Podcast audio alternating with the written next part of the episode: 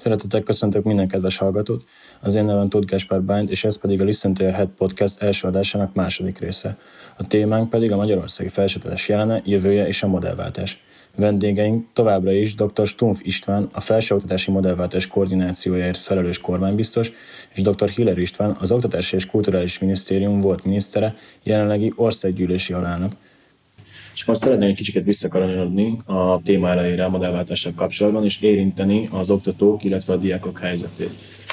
Az oktatók kapcsolatban azt szeretném feltenni, hogy mit tartogat számukra a jövő, és hogyan változnak meg a közalkalmazotti többletjogaik a modellváltás során, és milyen következményekkel jár a közalkalmazotti státusz elvesztése számukra, és elsősorban Stumpf István szeretném ezzel kapcsolatban kérdezni mindig a közalkalmazotti státusz elvesztését, mint mumust szokták emlegetni, ugyanakkor pedig e, ez a közalkalmazotti státuszból való kikerülés egyébként lehetőséget is teremt a bérezés nomenklatúrák megváltoztatására, tehát azért a államháztartási törvény szabálya és a közalkalmazotti nomenklatúra tábla az egy bizonyos E, életpályás előrehaladásokat e, tesz szükségessé, kevésbé, kevésbé tud reflektálni a teljesítményre, különösen a jó teljesítményre. Itt azt a lehetőséget kínálja fel azon túl, hogy megtart számos olyan jogosítványt, amit a közszolgálati jogosítványok is megtartanak kutatási kedvezménytől egyebekig.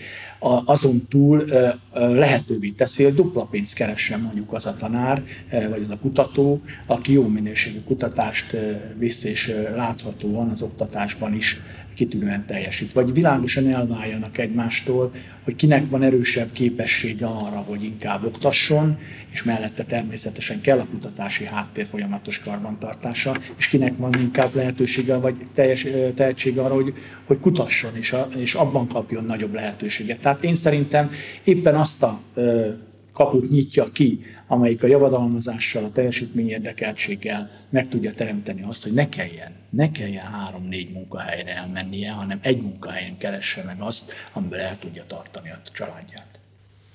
A közalkalmazotti jogviszony, és e tekintetben szintén egy szélesebb horizonton kell a gondolatainkat megfogalmazni, mint a felsőoktatás, hiszen a kormány törekvése a közalkalmazotti jogviszony megszüntetésére, lazítására nem csak a felsőoktatást érinti, hanem számos más területet a közművelődéstől kezdődően a szociális szféráig.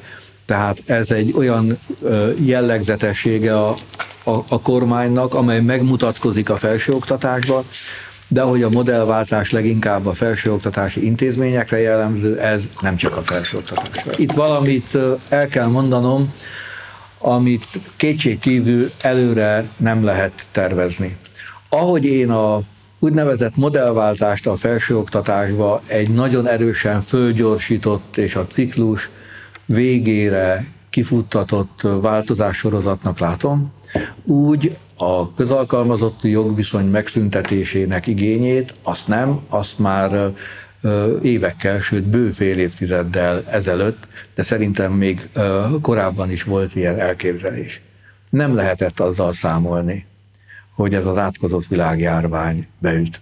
Ez csak és kizárólag azért hozom ide be, mert a közalkalmazotti jogviszony kétség kívül a munkavállaló számára egyfajta biztonságot jelentett. Erős jogosítványokkal rendelkezett a munkavállaló érdekébe. Egy olyan világban, amikor, és nehogy félreértésesség, ebbe nem, nem lehet a kormány, bármelyik kormány ö, ö, hibás, itt van a nyakunkon, és borzalmas. De amikor minden, ami legalább eddig biztosnak vagy stabilnak tűnt körülöttünk, az is bizonytalan. No, egy ilyen időszakban a munkavállalói biztonságot lazítani és azt fölváltani nem, nem tartom aktuálisnak. Nyilván lehetne sokféle vitánk normál körülmények között, hogy milyen előnyökkel rendelkezik a közalkalmazotti munkaviszony, és milyen előnyökkel az, amit most a munkatörvénykönyvével fölváltva, vagy fölváltanak és ebbe állítják be, de a koronavírus járvány kellős közepén munkavállalók ezreit, több tízezer embert kiemelni ebből az egyébként számukra biztonságot jelentő ö, helyzetből. Nem, nem tartom aktuálisnak, nem tartom időszerűnek, nem tartom ö, jónak, azt gondolom, hogy vagy előbb csinálták volna meg, és akkor kialakult volna talán valamiféle más biztonság, vagy a későbbiekbe ugorjanak ennek neki, de akkor, amikor itt honfitársaink ezrei halnak meg, és százezrei betegedtek meg, az egész országunkat körülveszi ez a fajta bizonytalanság, akkor még rátenni egy lapáttal, és a modellváltásba a közalkalmazotti viszony megszüntetését egy eminens elemnek tekinteni, ezt én nagyon nem szerencsétlennek tartom. Köszönöm. És akkor áttérnénk a hallgatók részére is. Onnan is szeretném menni ezt a modellváltást. Számukra milyen kilátásokat tartogat a jövő? A modellváltás is lesz, a modellváltás után is lesznek ösztöndíjak a számukra, és hogyha lesz ösztöndíj, akkor ugyanannyian részesülnek majd ebben az ösztöndíjban, mint korábban egy állami fenntartású egyetemben. Hát ugye önök példája a Corvinus Egyetem az egyik lehetséges példa, eh, ahol a Corvinus Egyetem kapott annyi eh, állami eh, vagyont, amiből, aminek a kamataiból saját ösztöndíjrendszer tudott működtetni és működtet, amiből próbálja eh, minél nagyobb eh, számban eh, lehetővé tenni a ösztöndíjas tanulást az itt hallgatóknak. Ugye csak a Corvinus van ebben a helyzetben, a többi egyetem szerződést fog kötni a, a kormányjal, egyrészt egy stratégiai hosszú távú szerződés, másrészt egy három-öt éves szerződést, amelyben a kormány meg fogja határozni azokat a keretszámokat, amelyek alapján a hallgatók finanszírozását az adott egyetemeknél felvállalja.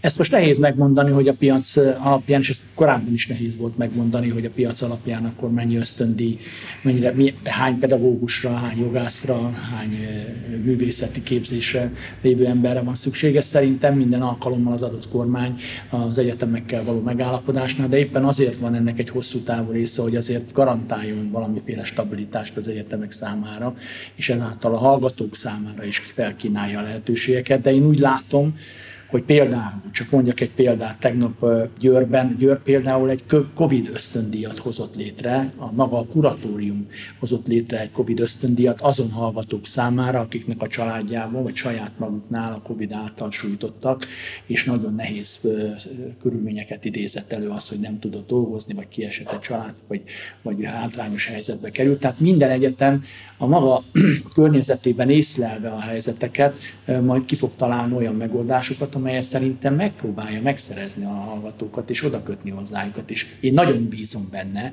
hogy ennek a szociális része erősen megmarad, hiszen a saját származásom első generációs értelmiségi voltam, és azt mutatja, hogy, hogy akkor lehet esélyt teremteni a mobilitásra azon nem a legszerencsésebb környezetbe született fiatalok számára, hogyha ennek egy kitüntetett ösztöndíjrendszere is van. És szerintem részben a szakkollégiumok ilyen feladatot láttak el korábban, most ez átalakulóban van, de én nagyon bízom benne, hogy minden egyetem meg fogja találni azt a megoldást, amelyel a hallgatók számára ezt az esélyt megteremti. Tehát akkor a hátrányos anyagi helyzetben lévő diákoknak innen lesz még nehezebb bejutniuk az Nem, egyetem? én azt gondolom, hogy a hátrányos helyzetű, de tehetséges diákoknak szerintem meg lesz a lehetősége, hogy ki tudjanak ugrani. De nagyon fontos, hogy azért ezt a diákoknak is hozzá kell tenni valamit, tehát nem arról szól a történet, hogy az állambácsinak vagy bárki másnak azoknak olyan, olyan típusú gondoskodási rendszer kell teremteni teljesítmény nélkül, meg hozzáállás nélkül, meg motiváció nélkül, hogy pusztán azzal, hogy bejelentkezik, akkor ez neki jár is. Tehát mi túl vagyunk ezen a perióduson, amikor mindenkinek járt valami, az állambácsi ezt meg tudta oldani. És a tandíjak hogyan fognak alakulni azon diákok számára a jövőben, akik csak önköltséges finanszírozási formában nyernek felvételt?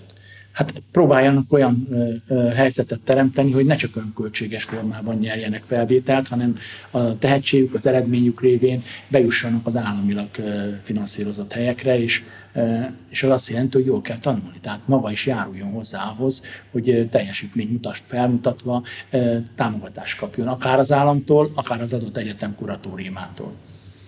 Én meg azt gondolom, hogyha ugyanezzel a tehetséggel, ugyanilyen családi háttérrel most lenne Stumpf István 18 éves, sokkal nehezebben kerülne be az egyetemre, és sokkal nehezebben csinálná meg azt a karriert, amit megcsinált.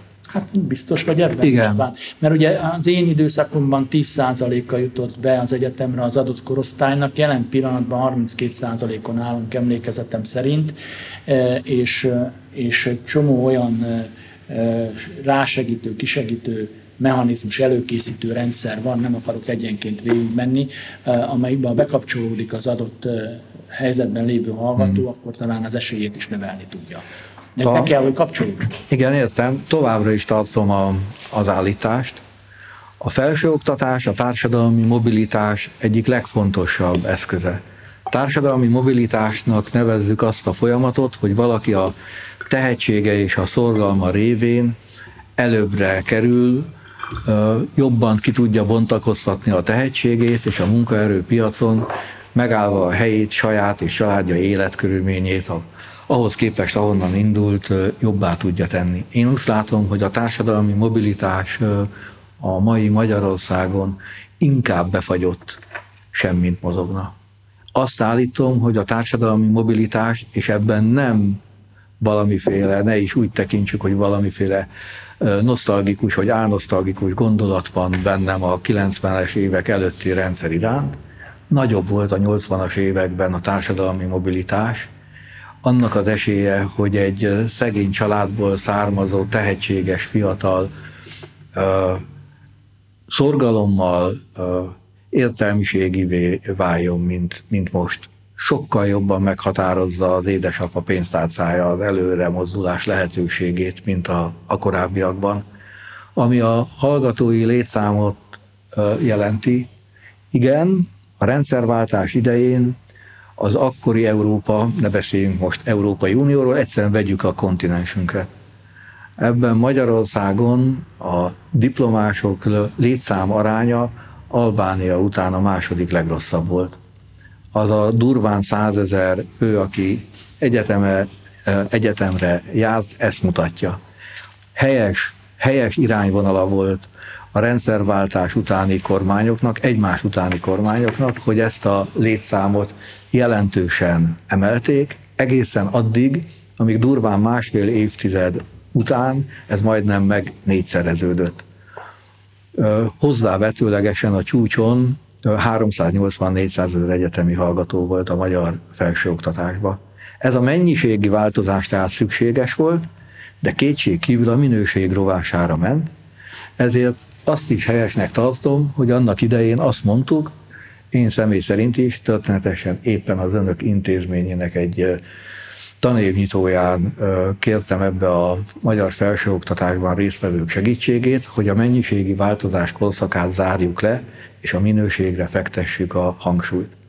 Az az irány azonban, ami az elmúlt fél, három évtizedben megmutatkozik, Tudnék, hogy a kormány intézkedései, számos intézkedése csökkenti a felsőoktatási intézményekbe való bejutás lehetőségét. Megnehezíti számos ponton, hogy valaki egyetemre, főiskolára járjon.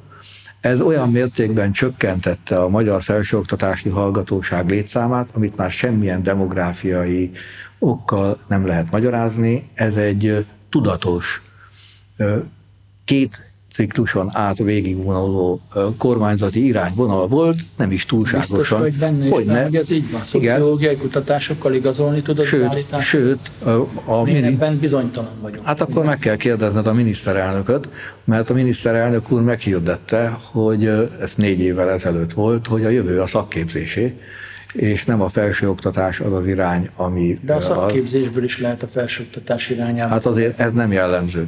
Tehát a, abba, éppen a technikumot most éppen átalakulóban van. Az biztos, de az elmúlt tíz évre nem az volt jellemző, hogy a szakképzésből tömegek jutottak el a magyar felsőoktatásba. Tehát azt a megállapítást, hogy a magyar felsőoktatásba a társadalmi mobilitás inkább befagyott, mint mozog, továbbá azt, hogy a hallgatói létszám csökkenése az egy tudatos kormányzati politika eredménye, azt továbbra is tartom. Ez, ez demográfiai okok miatt megy. Nincs, nem, nem, akkor nagyon, ha olyan mértékben csökkenne a generáció már, hogy a, a 26 mínuszos generációnak a létszáma mint amilyen mértékben csökkent a felsőoktatási hallgatóság létszáma arányaiba, akkor nagyon-nagyon nagy baj lenne Magyarországon.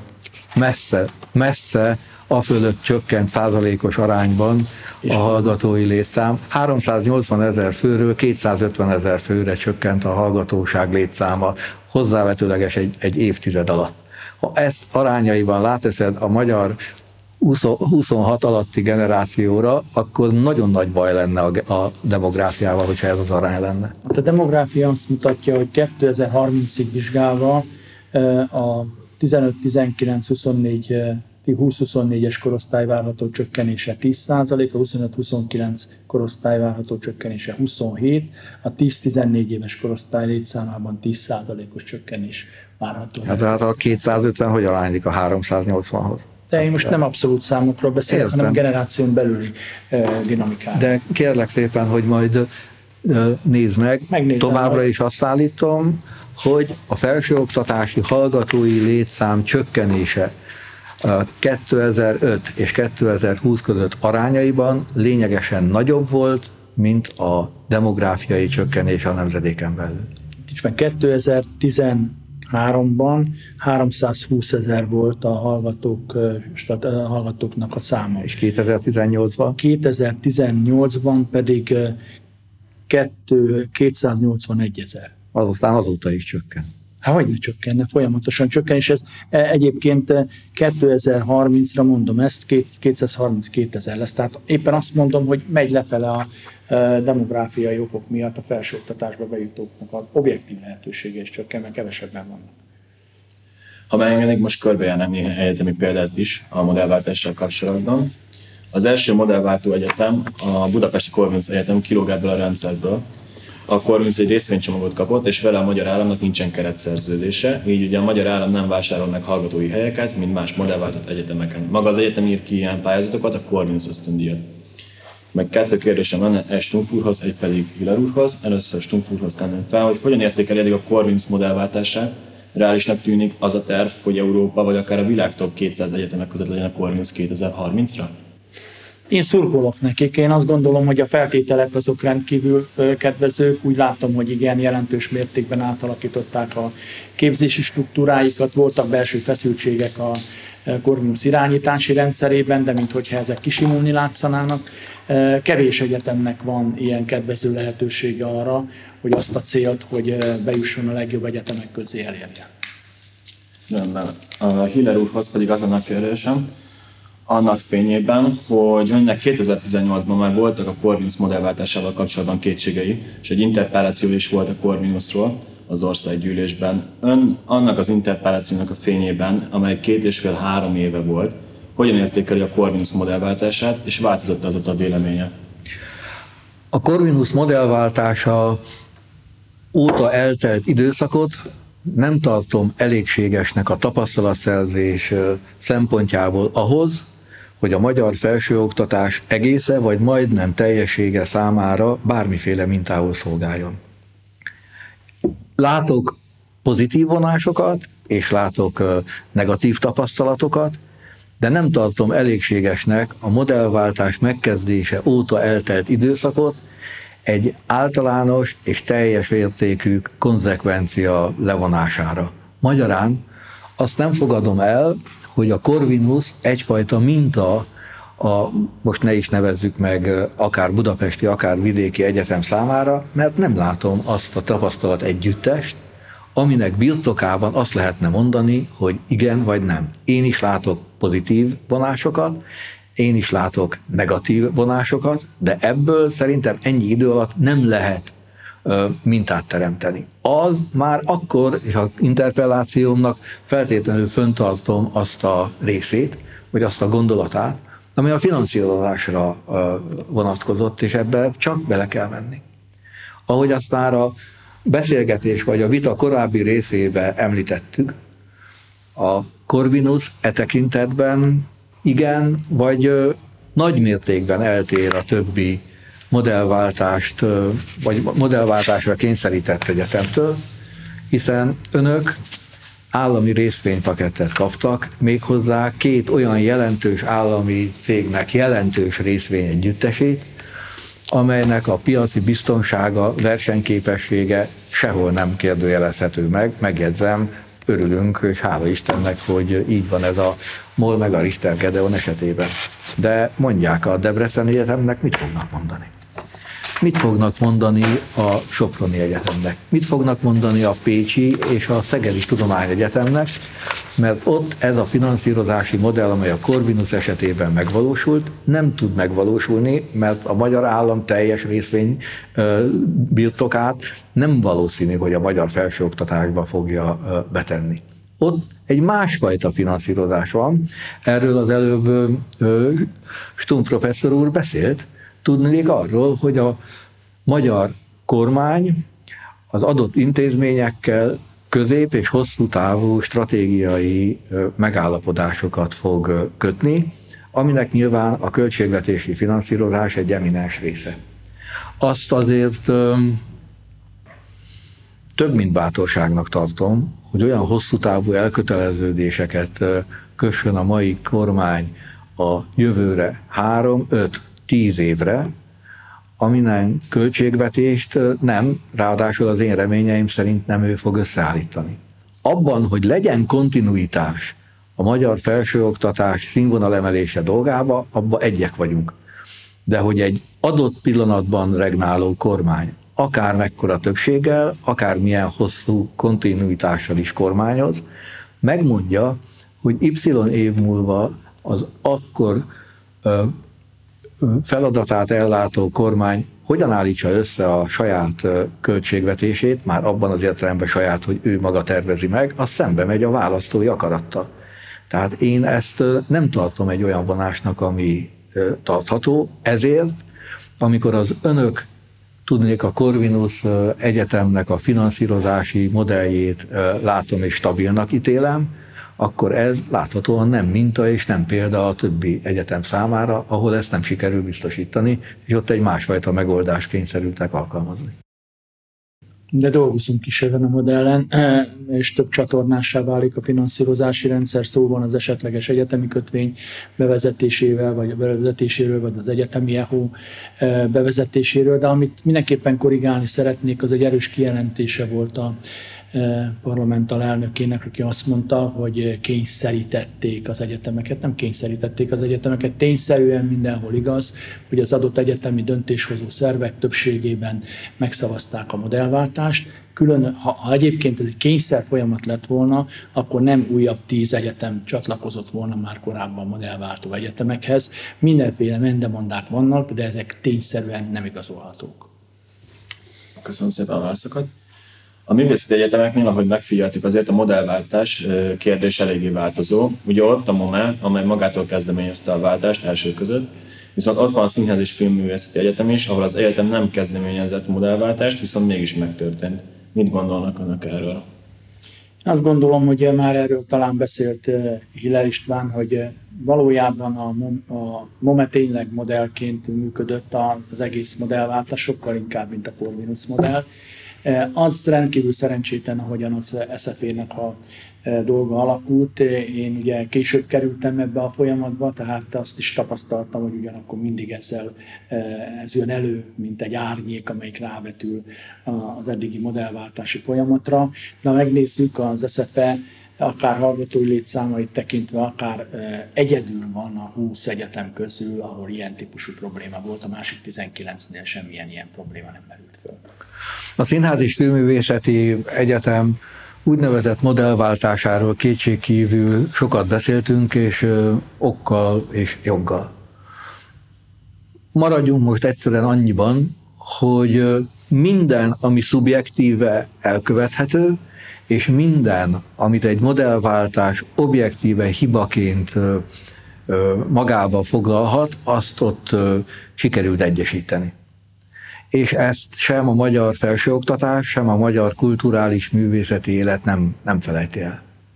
Egyébként én hibának tartom a lebonyolítás egészétől függetlenül, amiben nyilván a korábbiakban már többször belementünk, nem fogjuk tudni, és nem is akarom hogy elkerüljük a, a későbbiekben, mert az helyes, hogyha nyilvánosság előtt különböző politikai vélemények összecsapnak, és akkor kinek-kinek megvan a lehetősége, hogy válasszon a, az érvek és az érvelők között.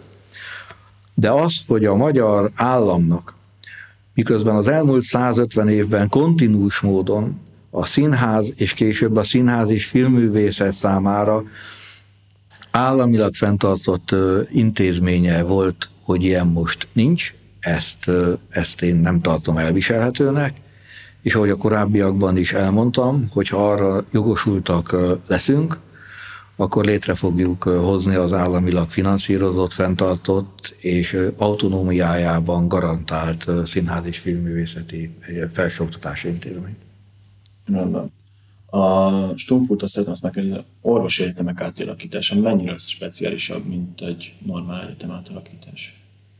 Hát ugye egy tisztán orvosi egyetem van, ez a SOTE, de a nagy tudományegyetemeknek vannak orvosi karai, és ez azért megbonyolította a helyzetet. Elsősorban azért, mert a nagy tudományegyetemek azok ragaszkodtak ahhoz, hogy a klinikák azok az egyetemekhez tartozanak a jövőben is, hiszen a Magyar Orvostudományi Egyetemek nemzetközi versenyképességét, a külföldi hallgatók idejövetelét jelentős mértékben az motiválta, hogy a Magyar Orvostudományi Egyetemek mögött klinikai háttér volt, tehát olyan gyakorló terep, amely kevés országban kínálja ezt a lehetőséget az orvostan hallgatók számára. De ugyanakkor ugye a kormányzatnak az is sem, a legelején említettem, egy feltett szándéka volt, hogy egy egységes beteg, illetőleg kórház rendszert valósítson meg. Ennek a szükségessége, ugye különösen egy pandémiás időszakban nagyon határozottan előjön. Tehát voltak viták arról, hogy hogyan lehet összefésülni azt az igényt, hogy az egyetemek vigyék magukkal a klinikákat, és ugyanakkor a klinikák, tudományegyetemi klinikák 25%-át látják el a magyar betegeknek. E, ugyanakkor ez ne kerüljön ki az egységes kórház irányítási rendszer alól. Ez a mostani e, törvény, ez a sui generis e, vagyonkezelő közérdekű közfeladatot ellátó vagyonkezelői alapítványokról szóló törvény ezt a problémát is kezelni fogja. Azt gondolom, hogy itt miközben a számok teljesen igazak, és a magyar egészségügyi ellátás, tehát nem oktatás, hanem ellátás egészében meghatározó szerep és színvonal, amit az egyetemi klinikák tudnak biztosítani, hát most sajnos tapasztalja az egész ország, hogy mennyire fontos, hogy ezek magasan, jól felszerelt és magasan kvalifikált embereket magába foglaló intézmények. De a felsőoktatás alakítása és jövője szempontjából itt második szó van.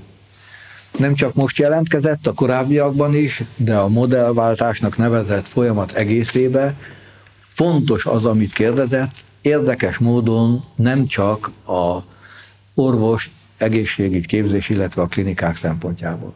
Volt egy olyan elképzelés, amely azt tartalmazta, hogy a vidéki tudományegyetemek klinikáit orvosképzését azt a tudományegyetemekről leszakítva a Semmelweis Egyetemmel egy egységbe foglalva hozza létre.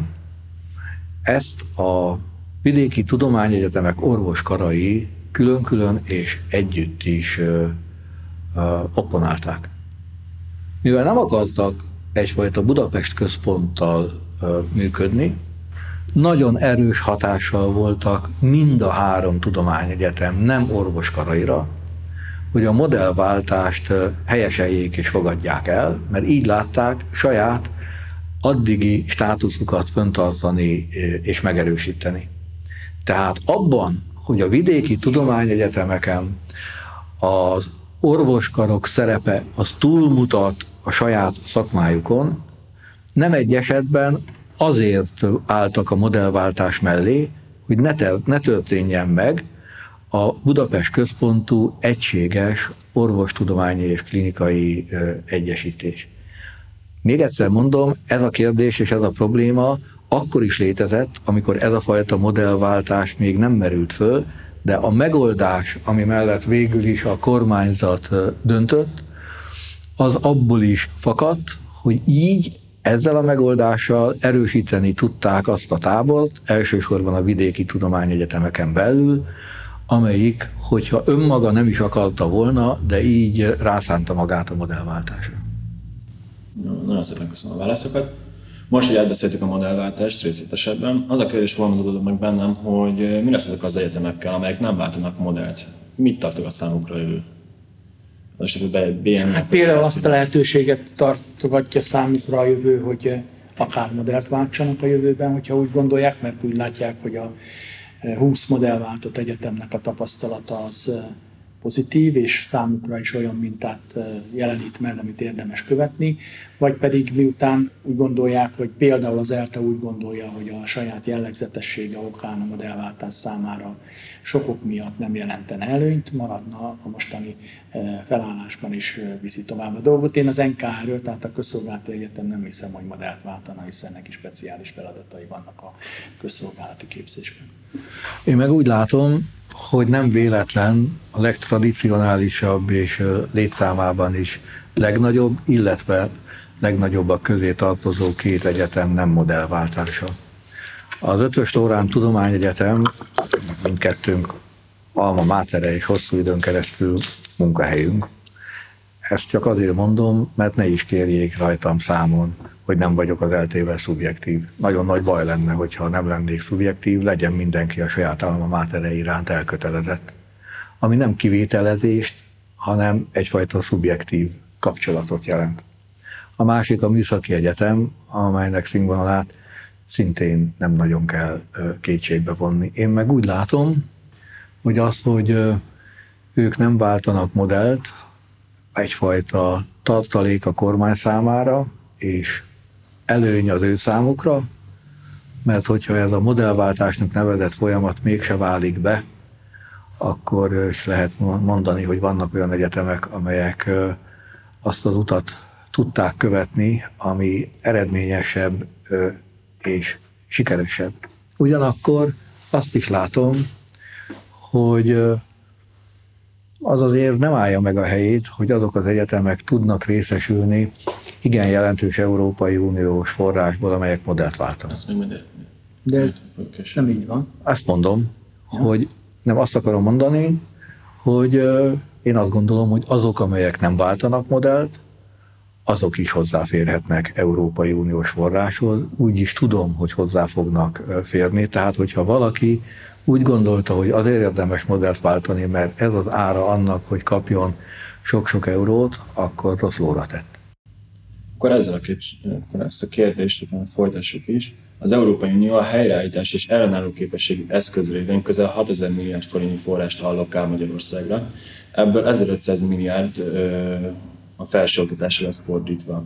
Hogyan lesz elosztva a támogatást az egyetemek közt, amely akár 180 milliárd forintot is elérheti, a modellváltott egyetemek előnyt élveznek az állami egyetemekkel szemben a pályázatok elbírálása során? Kevesen tudják, de Hiller alelnök biztos tudja, hogy a Német Alkotmánybíróság megakasztotta ezt a folyamatot. Tehát azt a 750 milliárd eurót, amit a helyreállítási alapba szántak volna kölcsönfelvétellel, annak az alapjait megtámadta az egyik német radikális párt, és egy alkotmánybíróság elé került az ügy, amelyik vizsgálja, Igen. hogy ez a német alkotmányosság Csak tegyük hozzá, hogy ez nem Magyarország miatt van, vagy nem Magyarországról szól, hanem generális. Generálisan, persze.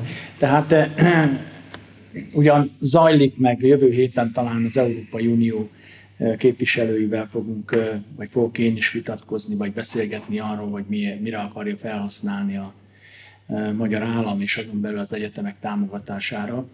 Az egyetemeknek vannak minden évben le kell adniuk, le kellett adniuk az állami fenntartású egyetemeknek úgynevezett intézményfejlesztési terveket.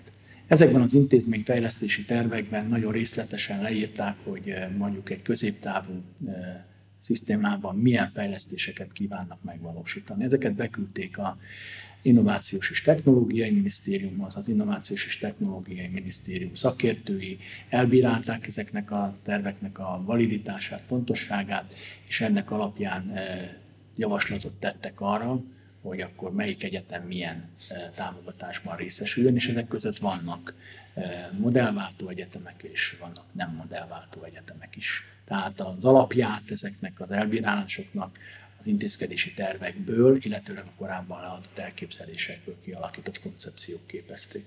És ezzel kapcsolatban az elmúlt hetekben megjelent a telex.hu oldalon egy cikk, amelyben azt írták, hogy a Budapesti Korvinsz Egyetem és az ELTE ebből az összegből nem kap semmit. De ez nem így van, az ELTE kap, jelentős összeget fog kapni. A Budapesti Korvinsz Egyetem, azt nem tudom, Mostani tudásom szerint valószínűleg az ő pályázata azért nem kapott támogatást, mert kapott már jelentős támogatást az államtól, és úgy gondolta a fenntartó, a korábbi fenntartó, hogy inkább azoknak az egyetemeknek juttat ebből, akiknek sokkal kisebb forrás lehetőség van a fejlesztésre. Én nekem erre rálátásom nincsen, mert a jelenlegi kormányzatnak nem az a stílusa, hogy ezeket a részleteket akár parlamenti szakbizottságban, akár a parlament törvény, szaktörvényi vitájában megjeleníti az ellenzék számára, és betekintést kaphat akár tervekbe, akár ilyen értelmű összegekbe. Az számomra sohasem volt kérdés, hogy Európai Uniós szinten forrásokhoz akár modellt vált, akár nem vált modellt jogosult hozzáférni az már egy, és, és ezt azért érdemes elmondani, mert számos intézménybe a modellváltás megerősítő vagy kinyilvánító szavazás előtt nagyon sokféle formában hangzott el érvként, hogy akkor jön ide Európai Uniós pénz, hogyha lesz modellváltás. Ennek egyébként a sajtóban is számos megerősítő forrása van. Annak örülök, hogy ebben egy véleményen vagyunk, mert hogy az fontos, hogy a felsőoktatás irányításába meghatározó kormányzati személyiség azt mondja, hogy azok az intézmények is kapnak, kaphatnak Európai Uniós hozzájárulást és forrást, akik nem döntöttek modellváltásról, mert nagyon súlyos szégyen lett volna, hogy közös Európai Uniós forrásból csak egy bizonyos elköteleződést vállaló intézmény vagy intézmény jelleg kap. Egyébként nekem az a, az a célom, és azt az irányt képviselem, hogy megfelelő fejlesztési terv, megfelelő koncepció esetében minél nagyobb lehetőség, minél több pénzt kapjanak intézmények a magyar felsőoktatás, de annak a kontrollja, mechanizmusa és a színvonalt emelő jellege az bizonyítást kell, hogy nyerjen. Tehát jöjjön a pénz, de pontosan lássuk, hogy mire, és azzal természetesen a színvonal tekintetében kell tudni elszámolni. És akkor a Magyarországi felsőoktatás jövőjéről kapcsolatban az a kérdésem, hogy szeptembertől egy új finanszírozási rendszerbe kerül a felsőoktatás, ugye ez egy három pilléres finanszírozási forma lesz, Stumpf úrtól azt szeretném megkérdezni, mit akar pontosan, és milyenek a célja? Hát a célja az az, hogy az egyetemeket ne csak abban tegye érdekelti, hogy minél több hallgatót hallgató számára teremtsenek legkülönbözőbb, vagy fontos, vagy kevésbé fontos szakokon továbbtanulási lehetőséget, hanem a hallgatói kvóta mellett megjelenjenek tudományos és képzőművészeti támogatások is, és megjelenjenek infrastruktúrális fejlesztési támogatások. Ilyenek egyébként ilyen típusú háromlábra állítás volt már a magyar felsőoktatás finanszírozásában. Mostanában a osztrák modellre hivatkoznak ebből a szempontból, de a magyar előzményei is elég jól kitapogathatók már ennek. Tehát a dolog lényeg, hogy egy sokkal diversifikáltabb megközelítés legyen a korábbi egypólusú megközelítés helyett. A 2011-es felsőoktatási, tehát nemzeti felsőoktatási törvény, amiről a korábbiakban már beszéltem, és az a, hát hogy is mondjam, fülkeforradalmi harcos hegület, amelynek én tanúja voltam, meglehetősen szomorú, más tekintetben kétségkívül így visszatekintve mulatságos volt. Sok, sok kárt okozott, bontotta és rúgta föl azt az egyébként ciklusokon átívelő finanszírozási modell, amelynek jellegét, hogyha nem is teljes egészében, de magát a karakterét, ez, amiről Stumpf István beszélt, vissza akarják hozni. Eltelt tíz év, aztán nagyjából sikerül visszajutni oda, amit annak idején az a törvény földult.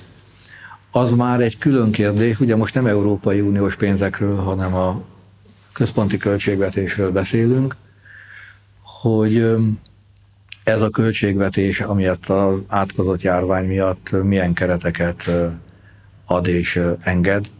Én azt is feltételezem, hogy az idei, tehát a 2021-es évre szóló, már korábban a többség által elfogadott költségvetést is elképzelhető, hogy módosítania kell az országgyűlésnek, és a 2022-es év költségvetési tárgyalása, ami tudomásom szerint májusban, júniusban lesz az országgyűlésbe, és a többség erről június első felében, közepén kívánja szavaztatni az országgyűlést, az nyilván kell, hogy figyelemmel legyen mindarra, ami, amit ez a rohadék járvány okozott a, a gazdaságba.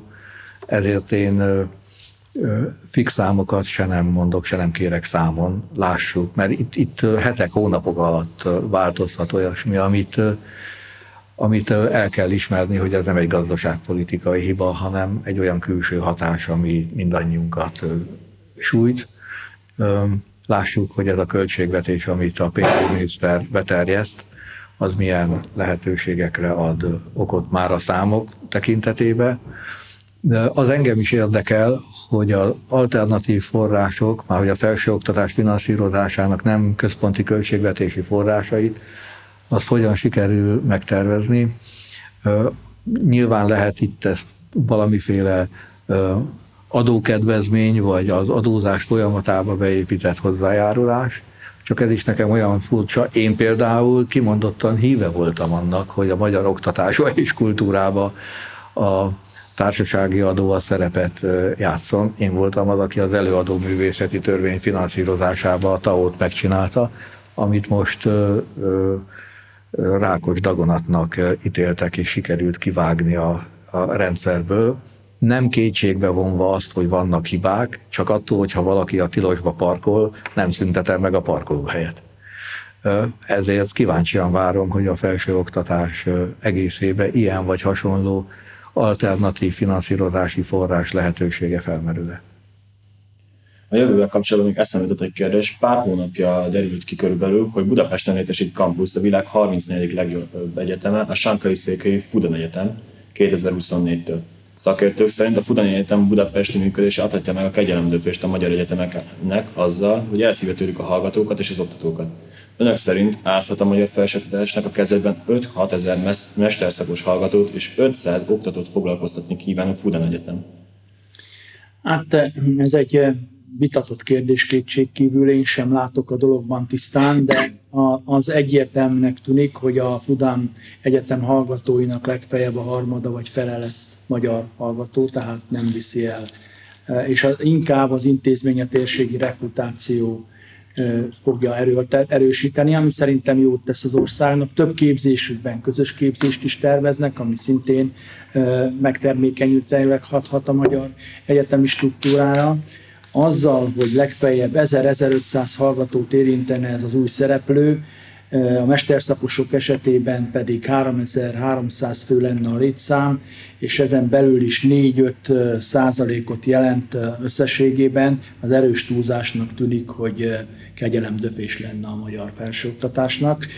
Hasonló arány az oktatóknál is, tehát a FUDAM egy világszínvonalú felsőoktatási intézmény, a maga szervezeti kultúrájával függően attól, hogy ki hogyan viszonyul Kínához, nemzetközi tapasztalatokkal, mindenféle félelmek is vannak a, az egyetem körül. Meglátjuk majd, hogy tud-e segíteni a magyar felsőoktatás felzárkózásában a kooperatív programok tekintetében és a esetleg idehozott jó nevű külföldi oktatók esetében, akiknek közös képzéssel is el lehet indulni, vagy pedig valóban az a veszélyforrás lesz meg, amit említett a kérdésében. De én inkább a, abban, abban reménykedem, hogy inkább pozitívan tudhatni a magyar felsőoktatás.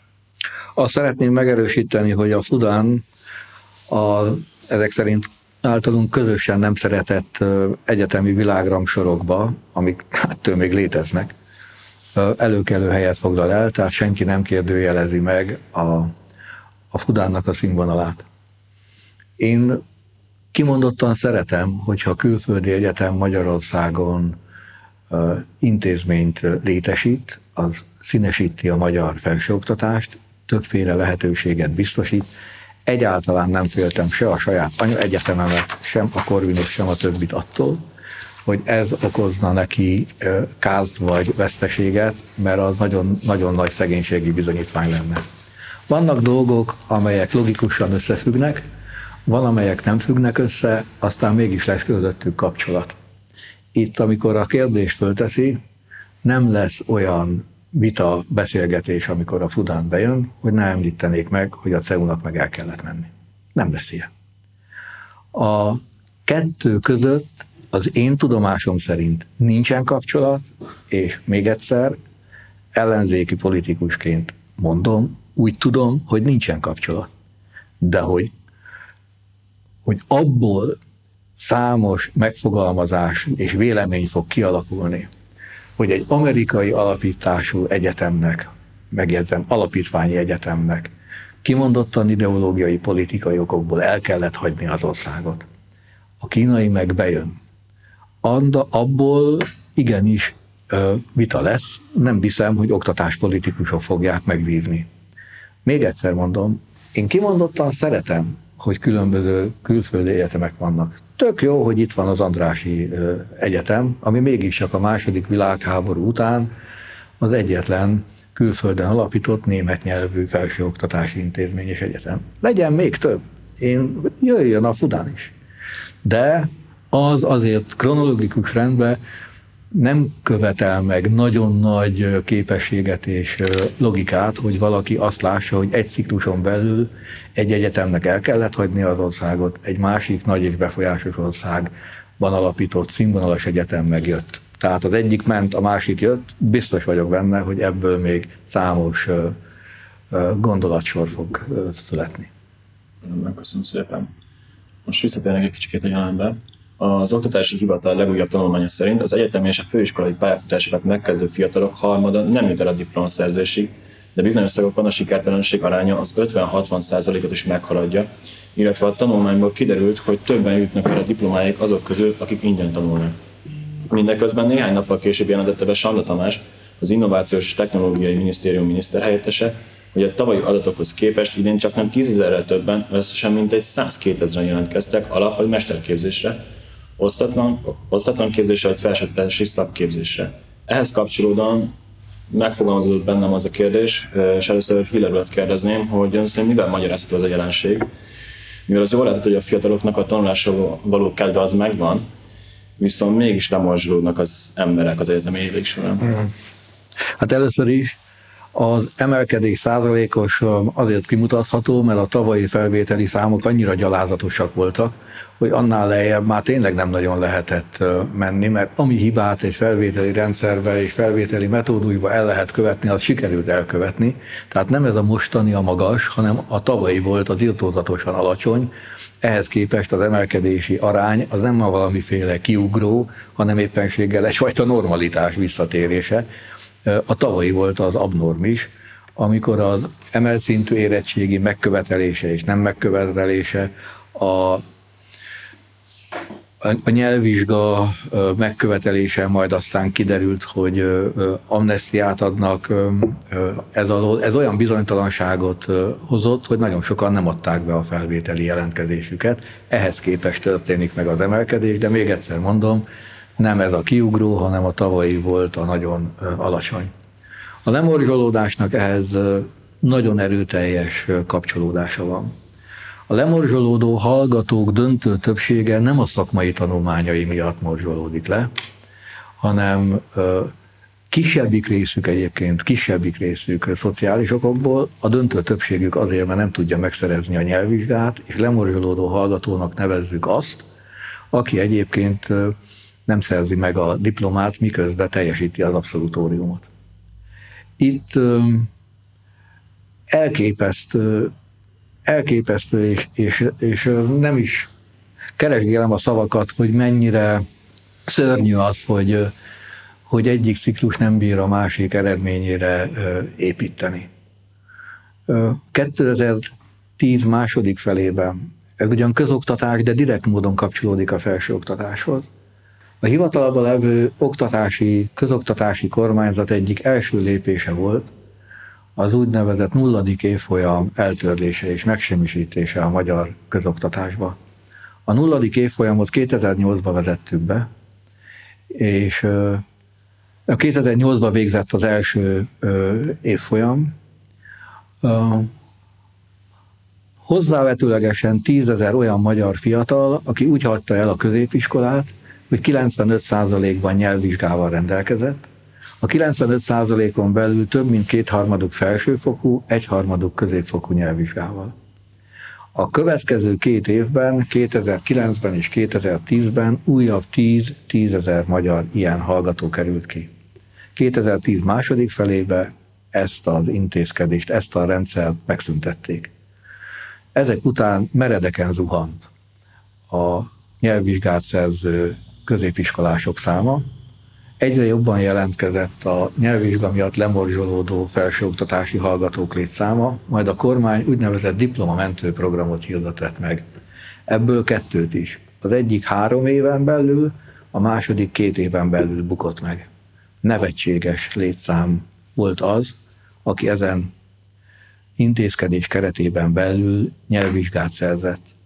És óriási az a létszám. Történetesen az amnestia meghirdetésekor 80 ezer olyan magyar fiatal volt, aki azért nem tudott diplomával a munkaerőpiacra lépni, mert nem volt diplomája a nyelvvizsga hiánya miatt, miközben megvolt az abszolutóriuma. Ezért látni kell, hogy a vita egy korábbi részén elmondtuk, hogy a mi anyanyelvünk mellett szükséges a nemzetközi versenyképességhez az idegen nyelv tudás. Ha ez így van, akkor ennek meg kell teremteni elsősorban a közoktatásban, ezen belül a középfokú oktatásban a biztos alapjait. Ez megvolt, sikerült szétverni. Az egyetlen intézkedés, amit tehettek, az amnestia hirdetés, és 80 ezer magyar fiatal úgy vette át a diplomáját, hogy egyébként nem tud megszólalni idegen nyelven, mert egy középfokú nyelvvizsgát nem tett le. Most már nem ezen kell keseregni, hanem azon, hogy az előbb említett kérdésben megfogalmazott állítás, a lemorzsolódás, az nem a felsőoktatás színvonal vagy színvonaltalansága, hanem a középfokú oktatás, tehát a közoktatás nehézsége, amikor is ö, ö, nem megfelelő nyelvismerettel bocsátja az egyetemi ö, felsőoktatási intézménybe a hallgatókat. Ehhez hozzá kell még tenni, mert méltányos azt elmondani, hogy a kormány akart indítani egy olyan programot, amikor felsőoktatási hallgatókat három, öt hétre külföldre visz, nagy, nagy tömegben, és ott egyfajta nyelviskolai képzésben részesíti. Maga az elképzelés iránya az helyes, egyébként ez 72 milliárd forintba került volna, a kormány beterjesztette ezt. Kérem, azt azért meggondolnám, 72 milliárd forintot mondjuk egy 5 hetes tanfolyamra kiadni a adott évfolyam számára, mert annyi pénznek a harmadából meg lehet csinálni Magyarországon a színvonalas képzést. Tehát most nem belemenve ebbe, abban összegezem a mondani valómat, hogy a felsőoktatási hallgatói lemorzsolódás magas aránya igazában nem a felsőoktatásban termelődő problémának a magyarázata, hanem ez a probléma a idegen nyelvtudásban és a közoktatásban, ezen belül a középfokú oktatásban jelentkezik.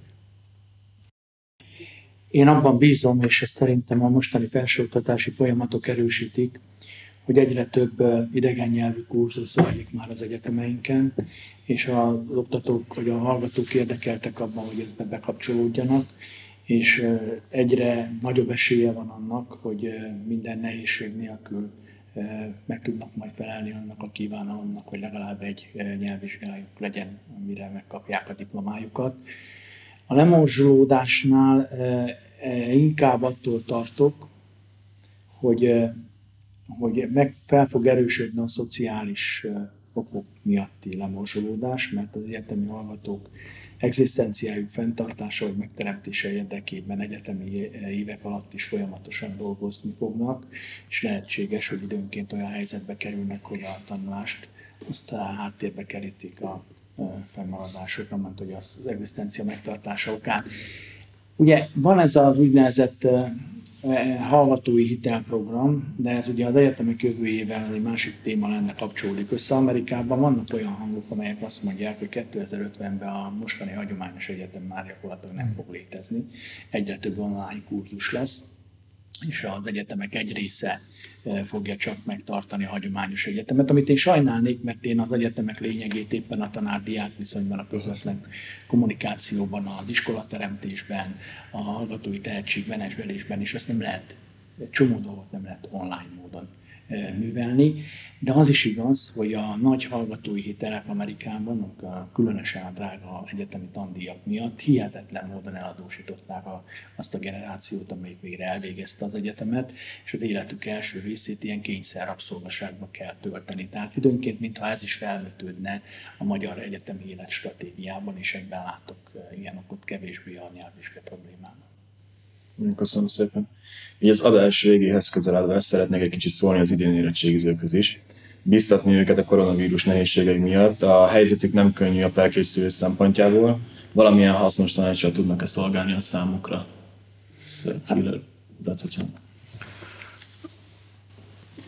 Hát először is a, a legjobbakat. Ezt azért kell mondani, mert Ugye van ennél egy vulgárisabb, ám közkeletű megfogalmazás, de most hadd ne, hadd ne erre hivatkozzak. Mégiscsak egy egészen különleges helyzetben levő évfolyam. Az önök fiatalabb társai azért mégiscsak, ahogy nekünk, úgy önöknek még inkább a fejükben és a zsigereikben van, hogy milyen érettségre készülni. Ez az önmagába egy stressz. Hogy arra gondolok, hogy milyen volt az az éjszakám, amikor arra gondoltam, hogy holnap matek érettségi, hát valami borzalom. Már pedig az teljesen, hogy úgy mondjam, békés körülmények között zajlott. Azt akarom mondani, hogy alaphelyzetben stressz elsősorban az érettségizőnek, a családnak, a szüleinek, a második legszörnyűbb ilyen éjszakám egyébként akkor volt, amikor a gyerekem érettségizett matekból. Nos, a most érettségizők a felkészülés legfontosabb szakaszában az utolsó három fél évben szinte alig jártak személyesen iskolába. Online tanultak, és ahogy megerősítem, mert én is, át magát az oktatást, legyen az a legkisebbek, vagy éppen az egyetemisták esetében, egy kimondottan személyes, majd hogy nem bensőséges, intim folyamatnak tartom, oktató, tanár, és befogadó, hallgató diák részéről. Szerintem mindennyiunknak a fejünkben ott van egy tanítóbácsi vagy tanítónéni neve, tök mindegy, hogy hány év telt azóta, hogy elsősök vagy másodikasok voltunk. Ez a személyes rész, ez a szükséges intimitás az elmúlt három szemeszterben kiesett. Nem lebecsülve az online tanítás jelentőségét, azért tapasztalatokkal is szolgált, méghozzá éles helyzetbe szolgált tapasztalatokkal.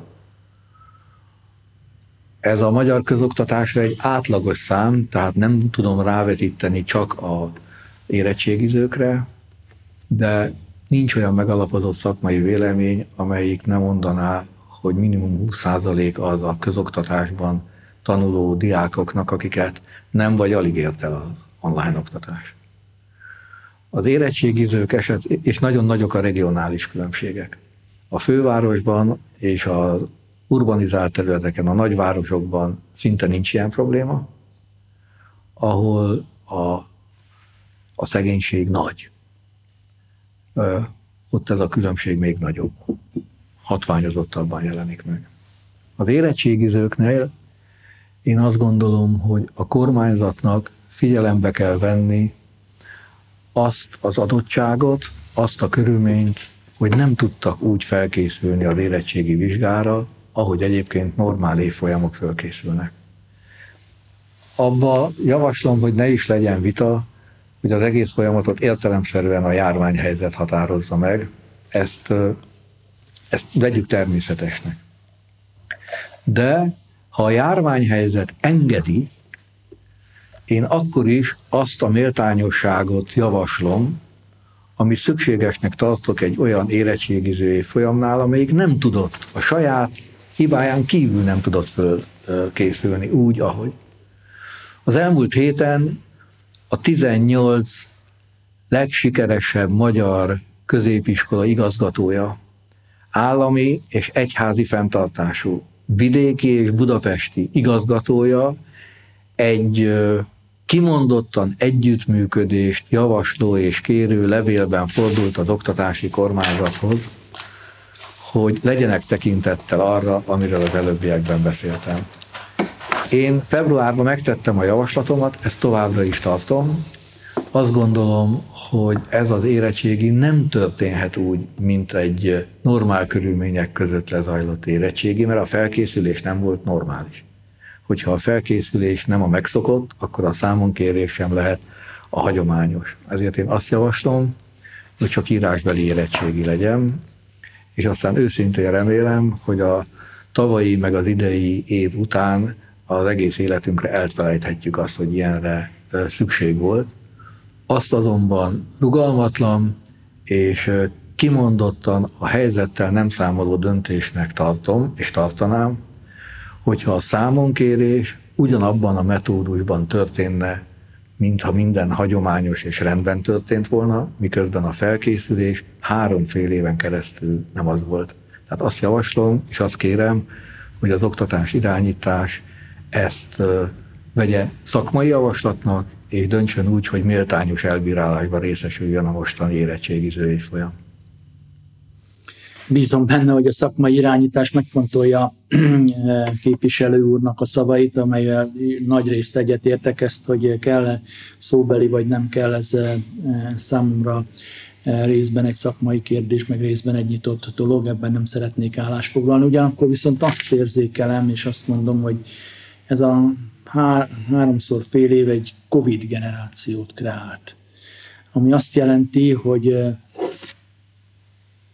deformációkat, formációkat, tehát mindenképpen olyan személyiség átalakulást is jelent, amely ki fog hatni a későbbi életükre. Én azt kívánom nekik, hogy sikeresen teljesítsék azokat a céljaikat, amiket az egyetemre jutással kapcsolatban kigondoltak, és bízom benne, hogy ez a Covid generáció, ez éppen a szabadság és az autonómia visszaszorítása okán ki fogja tudni majd élni a szabadság igényét, hogyha bekerül az egyetemre. És legyenek minél többen egyetemisták.